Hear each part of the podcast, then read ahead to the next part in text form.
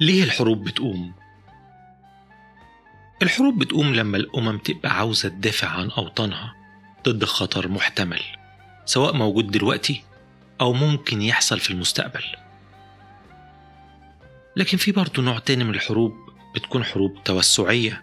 لما أمة بتشن الحرب على أمة تانية لما تحس إن في فرصة استراتيجية إنها ممكن تبقى أقوى على الساحة الإقليمية أو الدولية. أو إن عدوها التاريخي أو الإقليمي في أضعف حالاته. ودلوقتي هو أحسن وقت للانقضاض عليه. لكن في الحالتين الحرب الدفاعية أو التمددية دايما بتكون مصلحة الدولة والأمة الحالية والمستقبلية هي الهدف اللي الحرب دي مفروض تحققه. لكن في أكتر مرة خلال التاريخ الحروب بيتم شنها لأسباب شخصية بحتة لتحقيق رؤية أو رغبة أو حلم الحاكم أو لتنفيذ غضبه على أمة معينة أو عرق أو شعب معين وساعات حتى تجاه شخص واحد. وبيكون السبب ورا الحروب دي هي مجرد الإعلاء من كرامة ومكانة القائد ده. للأسف في كتير من الأحيان سواء بقى المعركة دي أدت لنصر أو أدت لهزيمة السرد التاريخي ما بيعملش الأحداث دي بالطريقة المناسبة لأن الواجب الوضع في الاعتبار إن الحروب بتهلك أو بتدمر حياة المئات والآلاف أو الملايين من البشر كمان.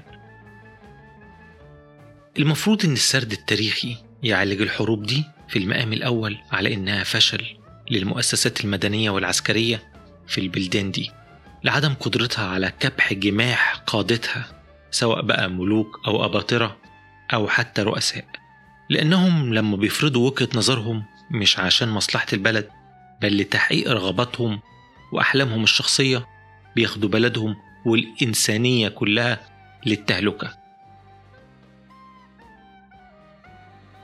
والنهاردة هنتكلم عن واحدة من الحوادث دي حصلت في خمسينيات القرن التسعة عشر وبطلها هو القيصر الروسي نيكولاس الأول.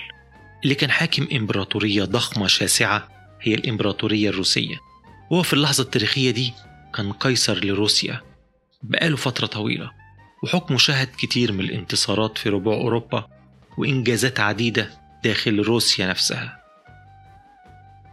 لكن نيكولاس الأول جر إمبراطوريته للحرب عشان يحقق أحلامه أو خيالاته وبالأساس عشان ينتقم لكرامته لأنه ما كانش مستعد إنه يتم الاستهانة بيه. من أي ملك أو حاكم في أوروبا.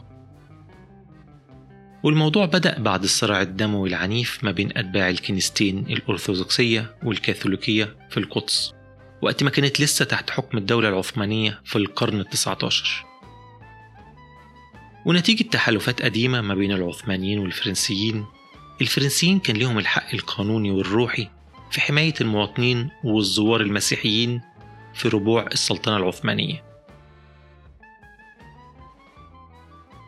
لكن لما اندلع الاشتباك ما بين أتباع الكنيسة الأرثوذكسية والكاثوليكية في القدس نيكولاس الأول قيصر روسيا لقاها فرصة سانحة لزيادة نفوذ روسيا داخل الدولة العثمانية. وده بالمطالبة بحق روسيا في حماية المواطنين الأرثوذكس المسيحيين داخل الإمبراطورية العثمانية زيهم زي الفرنسيين اللي ليهم حق حماية الكاثوليك. طبعا الخطوة دي كان هدفها الأساسي هو الضغط على الدولة العثمانية والدفع لانهيارها سريعا. ولو الروس خدوا الحق ده فعلا هيقبلهم مسوغ قانوني في أجزاء كتيرة من السلطنة العثمانية لما تنهار خصوصا مناطق السكان المسيحيين الأرثوذكس. كانت عين الروس بالأساس على مدينة القسطنطينية أو إسطنبول لكن ما يمنعش لو قدروا ياخدوا كمان مدينة القدس المدينة الأقدس والأهم في السردية والديانة المسيحية شرقية أو غربية. لكن السلطان العثماني خوفا من انهيار نفوذه ونفوذ الدولة نتيجة الطلب الروسي ده طلب المساعدة من القوى العظمى اللي هي بريطانيا وفرنسا واللي كانوا نفسهم خايفين من تمدد روسيا بجيشها الضخم المخيف. وعلى طول قدموا الدعم الدبلوماسي للعثمانيين خلال مفاوضاتهم مع الروس والبريطانيين تدخلوا بنفسهم عشان يكونوا مفاوضين ما بين العثمانيين والروس. لكن نيكولاس الأول بقى استفزه الإمبراطور الفرنسي اللي كان لسه متولي الحكم جديد نابليون الثالث لأن طريقة كلامه وتصرفه كان فيها تقليل من نيكولاس الأول ومن روسيا ككل. وبالتالي نيكولاس الأول رفض أي تنازل في أي مطلب من مطالبه. وفي يوليو 1853 وعشان يثبت تشدده في موقفه نيكولاس دفع بالقوات الروسية لاحتلال إمارات الدانوب الرومانية ودي دلوقتي موجودة داخل دولة رومانيا لكن ساعتها كانوا إمارات ذات حكم ذاتي لكن تحت الحماية العثمانية. وبفضل الدعم البريطاني والفرنسي الدولي العثمانيين شنوا حرب دفاعية ضد الروس وبالفعل قدروا يوقفوا تقدمهم جوه رومانيا. لكن الروس لما أطلقوا قواتهم البحرية المتفوقة كبدوا العثمانيين خسائر فادحة خاصة في ميناء ومدينة فارنا ودي موجودة حاليا في دولة بلغاريا. لكن خوفا من الانهيار المفاجئ للدولة والسلطنة العثمانية البريطانيين والفرنسيين هرعوا بأساطيلهم للبحر الأسود عشان يساعدوا العثمانيين ضد الروس. لكن بسرعة الروس سحبوا قواتهم خوفا من المواجهة المباشرة مع القوات البريطانية والفرنسية اللي تسلحهم متقدم. لكن لأن البريطانيين والفرنسيين خلاص حركوا أساطيلهم ما كانش ينفع إنهم يرجعوا. أولا لأن تكلفة تحرك الجيوش والأساطيل مكلفة وثانيا لأن الرأي العام في بلدانهم كان بيطالب بتأديب روسيا. وبكده القوات المتحالفة لفرنسا وبريطانيا والدولة العثمانية قرروا أنهم يوجهوا قواتهم ناحية شبه جزيرة القرم الروسية وبالفعل هبطت قواتهم هناك وشنوا هجوم على سيفاستوبول أكبر مدينة في شبه الجزيرة ووضعوها تحت الحصار. والحصار ده فضل لفترة طويلة وسط ظروف إنسانية مروعة لحد لما سقطت المدينة بعد فترة معتبرة تقترب من سنة. ونتيجة الخسائر الروسية الضخمة روسيا طلبت إجراء مفاوضات سلام في الشهور الأولى من سنة 1856 الإمبراطورية الروسية تم إذلالها وفرض شروط قاسية عليها وكانت أسوأها هي منع روسيا من الاحتفاظ بأي سفن حربية في البحر الأسود. مؤرخين كتير بيعتبروا حرب القرم النموذج الأول للحرب العالمية الحديثة. وكان ليها تأثيرات ضخمة على المشهد السياسي والاجتماعي في أوروبا كلها. يعني مثلا دي كانت أول حرب يتم استخدام فيها الاختراعات التكنولوجية الجديدة في الوقت ده زي السكك الحديدية والتلغراف بل والتصوير كمان. والأساطيل البحرية استخدمت نوع جديد من المتفجرات لأول مرة. كانت الظروف على ساحات المعارك بالنسبة للمصابين مروعة وكتير من الجنود ماتوا من العدوى أو التهابات الجروح بأعداد فاقت بكتير أعداد الجنود اللي ماتوا أثناء الاشتباك المباشر. أبرز الجهود لتحديث الخدمات الطبية على ساحة المعارك كانت على الجبهة البريطانية والمحاولات دي جت من اتنين من الممرضات المتطوعات. الأولى كانت ماري سيكول ودي مش مشهورة أوي تاريخيا. في ناس بيرجعوا عدم شهرتها لأنها من أصول أفريقية جامايكية وكان بيتم اضطهادها في الوقت ده. والممرضة التانية والأشهر طبعا هي فلورنس نايتنجيل أو المشهورة بلقب السيدة ذات المصباح. جهود فلورنس نايتنجيل كانت منظمة على أسس علمية متينة وبعد ما خلصت الحرب فلورنس رجعت لإنجلترا بخبرتها الضخمة وأنشأت مدرستها الرائدة للتمريض في لندن ودي عملت ثورة في ممارسة التمريض في العملية الطبية الحديثة. لكن التأثيرات الأكثر أهمية في الحرب كانت التأثيرات السياسية والاجتماعية. يعني مثلا روسيا بعد الحرب فائت على الواقع المر وهي إنها خلال آخر 20-30 سنة اللي هي تقريبا حكم نيكولوس الأول. روسيا بقت دولة متخلفة ومتأخرة عن كتير من الدول الأوروبية اللي دخلت في عصر الصناعة.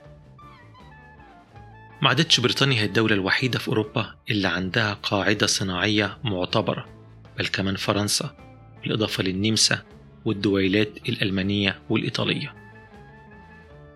كمان ضعف أداء الجنود الروس في المعركة كان لافت والغالبية من الجنود دول كانوا أصلا من الأقنان اللي كانوا بيشتغلوا في الأراضي. ودول بيعتبروا عبيد الأراضي الزراعية. حرب القرم خلت علية القوم في روسيا ينتبهوا إن فعلا ما ينفعش جندي يكون بيحارب هو تحت قهر اجتماعي كبير زي العبودية. وبالفعل بدأ إعادة التفكير في الحقوق الإنسانية والاجتماعية للطبقة المضطهدة دي في المجتمع الروسي.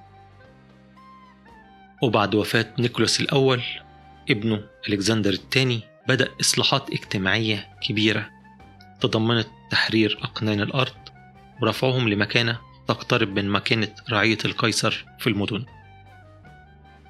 وبرضه تم إعادة تحديث الجيش بالإضافة لإنشاء المؤسسات المدنية الحديثة على الطرز الغربية الناجحة. أما دوليا فمشاركة مملكة سردينيا في الجزء الأخير من الحرب في 1855 فده أعطى للدولة دي مكانة على الساحة الدولية وخلاها مقربة لفرنسا وبريطانيا وده مكنها في الآخر من توحيد الإيطاليين وإنشاء مملكة إيطاليا سنة 1860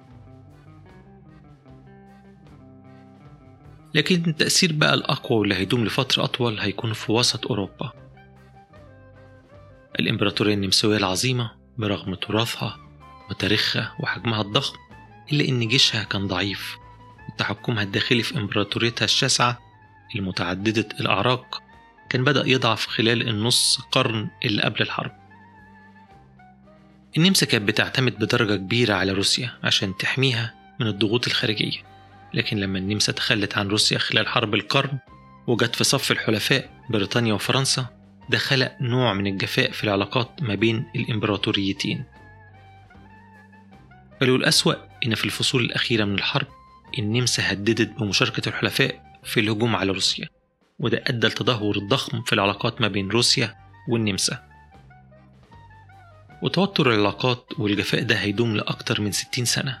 وصولا للحرب العالمية الأولى اللي الدولتين بالفعل هيتحاربوا فيها كأعداء. لكن قبل اللحظة دي والفترة طويلة النمساويين خصوصا العرقية الألمانية هيعانوا كتير نتيجة خسارتهم لحليفهم الاستراتيجي روسيا. زي إنهم مش هيقدروا يقفوا ضد توحد الدويلات الإيطالية في 1860 ولا ضد بروسيا الألمانية في 1866 بل ولا حتى ضد التمردات والثورات الداخلية واللي هتؤدي في الآخر سنة 1867 لأنهم يتشاركوا الحكم مع المكون المجري في الإمبراطورية. وفي العقود الباقية من عمر الإمبراطورية النمساوية هتفضل تعاني من خطأها الاستراتيجي الضخم ده اللي هو التخلي عن روسيا وعدم محاولتها إصلاح علاقتها معها بس ده كل اللي عندي النهاردة؟ أتمنى الحلقة تكون عجبتكم. لو عندكم أي أسئلة أو تصحيحات لأي معلومات تقدروا تسيبوها في التعليقات على الفيسبوك أو على اليوتيوب. شكرا وأشوفكم على خير الحلقة الجاية. مع السلامة.